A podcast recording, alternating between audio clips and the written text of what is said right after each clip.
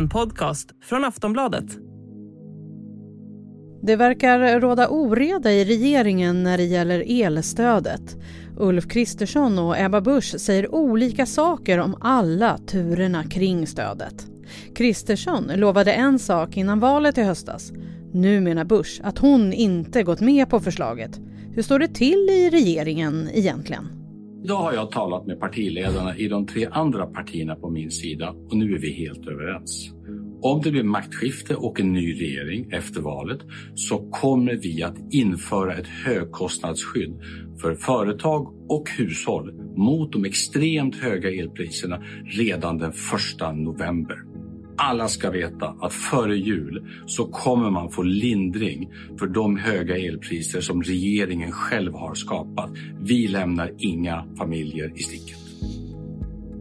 Ett av de nya regeringens gemensamma vallöften var att Sveriges befolkning skulle nås av elstöd i november 2022. Som vi hörde så lovade Ulf Kristersson att stödet skulle vara på plats från den 1 november och att de fyra partierna, M, KD, SD och L, var överens om reglerna för stödet. Men nu låter det annorlunda. Kristdemokraternas Ebba Busch, numera vice statsminister i regeringen, säger att hon inte var med på allt kring förslaget. I Ekots lördagsintervju i Sveriges Radio i helgen så lät det så här. Jag vet vad jag har tittat väljarna i ögonen och sagt. Och jag har på frågor när jag har mött väljare och företagare på plats på torgmöten och annat sagt att vi kommer inte kunna lova att de pengarna är på plats på kontot till första november eller innan jul. Men vi kan lova att man i god tid vet vad som gäller och att vi har ett elstöd på plats. Återigen, jag kan redogöra för vad jag har menat och jag har aldrig försökt ge sken av att pengar skulle kunna finnas på kontot innan första november. Varje seriös politiker, även nya oppositionen, vet beslutsprocesserna. Regeringen har inte ens suttit vid makten i hundra dagar ännu men ändå så svajar det rejält i samarbetet mellan partierna. Att regeringen inte lyckas hålla vallöftet om elstödet är ett stort misslyckande. Och nu kommer det alltså fram att alla inte var med på tåget. Så varför går Ebba Busch ut med det här nu? Vad vinner hon på det? Vad säger det om samarbetet i regeringen och hur ska de nu stärka sina siffror? Det här pratar vi om i det här avsnittet av Aftonbladet Daily. Jag heter Jenny Ågren. Och jag har med mig vår inrikespolitiska kommentator Lena Melin. Lena, du skrev i helgen att det är fullt krig inom regeringen angående elstödet. Berätta. Ja, jag kanske borde ha skrivit fullt ordkrig så man inte trodde att det var skjutvapen som togs fram, för det tror jag inte.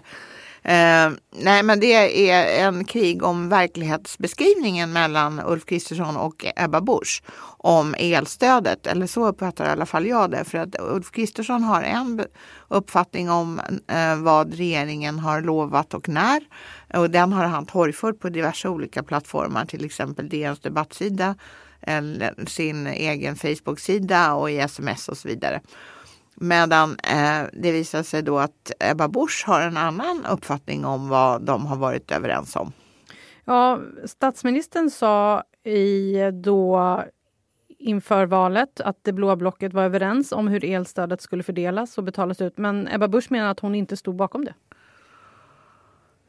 Ja, alltså Ulf Kristersson meddelade den 2 september, eh, nio, eh, nio dagar före valet, att eh, eh, han kunde presentera ett nytt vallöfte och det var att det skulle bli ett högkostnadsskydd eh, för höga elräkningar. Eh, systemet skulle vara på plats den första november och sen så skulle eh, elstödet, eh, eller de här pengarna då, betalas ut i god tid före jul. Man skulle, regeringen skulle, den blivande regeringen, om han blev statsminister, eh, skulle se till att hushållens ekonomi räddades. Så det var ett ord som han använde. Och eh, Ebba Busch anser ju då enligt vad hon sa i Ekots lördagsintervju att eh, hon har inte gått med på det här med, hon har inte lovat en enda datum överhuvudtaget. Hon, eh, vare sig X, Y eller Z som hon uttryckte saken. Utan det hon har förhandlat det är eh, ett elstöd. Och varför berättar hon det här just nu? Ja, kan, ja, hon måste ju känna ett stort behov av att uh, skydda sin egen rygg så att säga, eller sitt e sin egen person och sitt eget parti.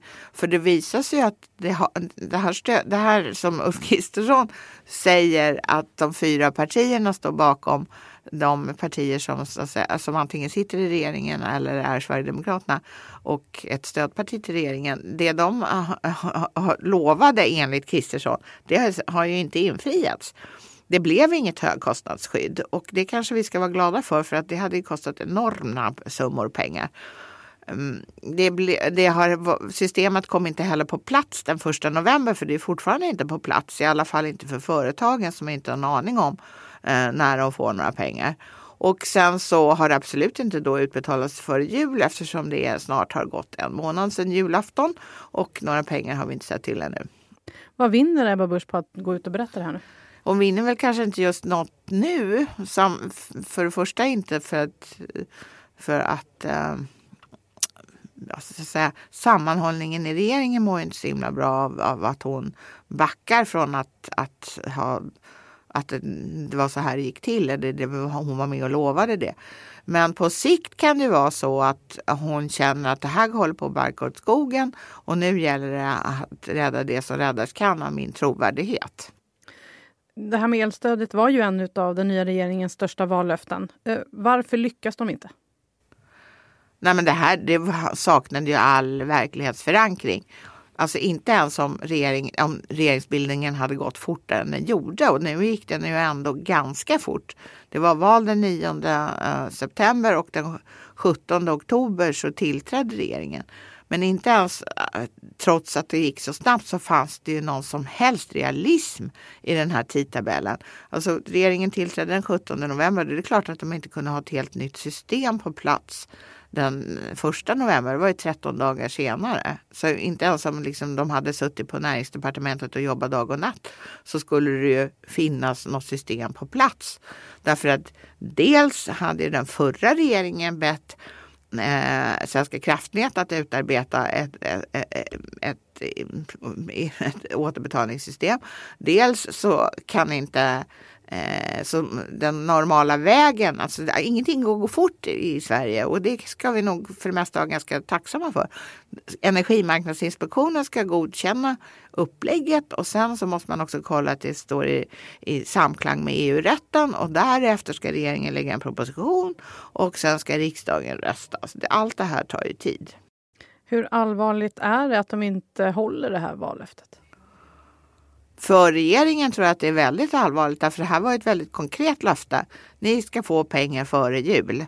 Och eh, även om de backade från den här modellen med ett högkostnadsskydd så tror jag ändå att folk uppfattade att det skulle, eh, att det skulle komma pengar före jul. Det var ju det de hade lovat. Dessutom så hade ju människor också fått den uppfattningen eh, under valet, eh, valrörelsen att det här var pengar som gällde kommande vinter. Inte den, nyss, den vinter som var 2021-2022. Därför där hade ju villaägarna, eh, som det handlar om i de flesta fall eftersom inte det, det handlar om eh, att man använder en viss, eh, viss, an, viss summa kilowattimmar för att få det stödet de hade ju redan fått pengar. Jag tror inte att de flesta människor tänkte gud vad fint, nu får jag dubbel kompensation. Men det är ju det den här regeringen har föreslagit att för månaderna eh, december till och med mars så, så får alla i södra Sverige dubbel kompensation för perioden december 2021 till och med Eh, eh, februari nu säger jag fel, det var april uh, i förra fallet och mars eh, i det senare fallet så fick alla i hela landet dubbel kompensation. Så hur mycket knakar det egentligen i fogarna mellan statsministern och hans vice? Vi pratar mer om det här efter pausen. Normally, being a little extra might be a bit much, but not when it comes to healthcare. That's why United Healthcare's Health Protector Guard fixed indemnity insurance plans, underwritten by Golden Rule Insurance Company, supplement your primary plan so you manage out of pocket costs. Learn more at uh1.com. Regeringen har snart suttit vid makten i hundra dagar och när regeringen bildades så var det glada miner och samförstånd. Så man tycker ju att de borde hålla enad front i den här frågan. Vi hör Lena Melin igen. Ja, det är ju lämpligast. Eh, men eh, hittills är det ju bara Ebba Busch som så att säga har fronderat mot den här verklighetsbeskrivningen som framförallt då har torgförts av eh, Ulf Kristersson. Och Ja, vad det kommer att leda till är svårt att veta men utifrån sett är det ju inget vidare bra att statsministern och vice statsministern har olika uppfattningar vad som har utlovats i det som åtminstone i efterhand har blivit regeringens viktigaste valfråga till sina väljare. Och hur skulle du säga att det här påverkar nu då? Statsminister och hans vice, hur påverkar det deras relation? Ja, alltså jag, om, om jag var Ulf Kristersson skulle jag vara frös, Jag skulle vara jättearg. Uh, och om jag var uh, Ebba Busch så skulle jag vara lite nervöst vänta på att Kristersson hörde av sig och säga kan du komma till mitt kontor är du snäll. Vad tror du det här innebär då för regeringen? Jag tror, på, jag tror inte att det innebär någonting för regeringen på kort sikt utan det är ju om det börjar knaka, om det liksom är inledningen på att det börjar knaka rejält. Då kan det ju vara väldigt eh, dåligt. Men det återstår ju att se om det gör eller det här är bara en fnurra på tråden. Och hur stabil skulle du säga att regeringen är nu? De har inte suttit i hundra dagar än. Nej, det har de inte gjort utan det kommer de ha gjort senare den här veckan. Mm, regeringen är ju en instabil konstruktion redan från början. Det är så att de här tre partierna som har bildat regering eh, har stöd av 29 procent av väljarna. Eh, och de skulle ju inte klara sig utan det här samarbetet de har med Sverigedemokraterna med 20,5 procent av väljarna bakom sig. Så att eh, de är ju helt beroende av Sverigedemokraterna och också av att de själva håller sams internt för att de måste ju först komma överens inom sig själva innan de mm, eh, även bjuder in så att säga, Sverigedemokraterna. Man kan ju också tänka sig att alla fyra eh, sätter sig ner vid rent bord och gör upp från början. Men eh, oavsett vilket så eh, är det en bräcklig konstru konstruktion. Därför att den sittande regeringen, den som, som så att säga riksdagen kan fria eller fälla, den har bara stöd av 29 procent och det är en väldigt liten eh, minoritetsregering. Den är ju mindre eller inte riktigt, den är ungefär lika stor som den enpartiregering som Magdalena Andersson eh, ledde under tio månader fram till valet. Och det berodde ju på att regeringen sprack så sent in på valet att man inte tyckte det var någon idé att utlysa nyval. Om vi skulle titta lite på siffrorna för Ulf Kristersson och Ebba Busch eh, var för sig. Hur ser, hur, ser, hur ser förtroendet ut för de två? Eh, för, för Ulf Kristersson eh, är det relativt bra men ändå inte därför att eh, eh, Magdalena Andersson har en otro, ett otroligt mycket högre förtroende bland väljarna än vad han har. Däremot kan man inte säga att det är någon katastrof för hans del för att det, om jag minns det rätt nu så ligger han på 38 procent och det, det kan man inte kalla för en katastrof för en statsminister men det är ju otroligt dåligt om man ser i relation till Magdalena Andersson som har en andel som är 20 procent eh, procent högre, procentenheter högre. Och det är klart att statsministern som är den som leder landet eh, ska ju ligga högre än oppositionsledaren. Det är det normala. Och om man ser till en av Ulf Kristerssons företrädare så ligger han ju väldigt byrt till för att det är en annan kris, nämligen den eh, stora finanskrisen 2008-2009. Då var förtroendet för Fredrik Reinfeldt låg på över 70 procent i, i de mätningar som vi gjorde då. Och det ju, var ju väldigt, väldigt bra. Och Ebba Busch då? Nej, hon ligger ju mellan 30 och lite strax över 30. Eller hennes förtroende för henne ligger strax över 30. Det är inte heller dåligt. Men där ska man tänka på att hon har, har legat på en mycket högre nivå och är nu i en långsamt sjunkande eh, riktning. Hela den här grejen ger ju inte ett jättegott intryck av regeringens arbete. Vad behöver de göra nu för att lappa ihop det här? Ja, jag tror faktiskt, ja, det, mycket kan säkert bli bättre av att pengar, folk verkligen får sina pengar.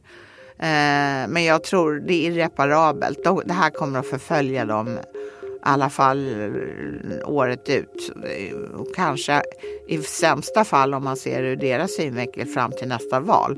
För att det här är så exceptionellt illa skött och så lätt att förstå. Alltså datum första november. Alla vet när första november inträffar. Alla vet när det är före jul och när det är efter jul. Så det är faktiskt otroligt då. Alltså det, det här är jätteklantigt skött från början av dem. Sist här Lena Melin, inrikespolitisk kommentator på Aftonbladet. Jag heter Jenny Ågren och du har lyssnat på Aftonbladet Daily. Följ oss gärna i Aftonbladets app eller i din poddspelare så missar du inga avsnitt. Vi hörs snart igen. Hej då!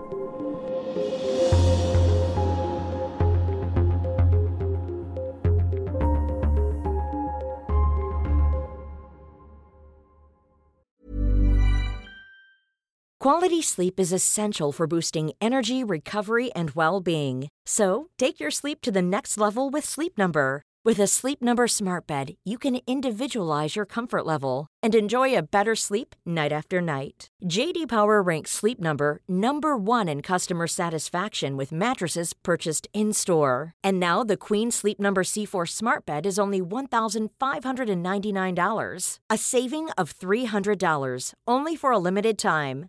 For JD Power 2023 award information, visit jdpower.com/awards. Only at Sleep Number stores or sleepnumber.com. Du har lyssnat på en podcast från Aftonbladet. Ansvarig utgivare är Lena K Samuelsson.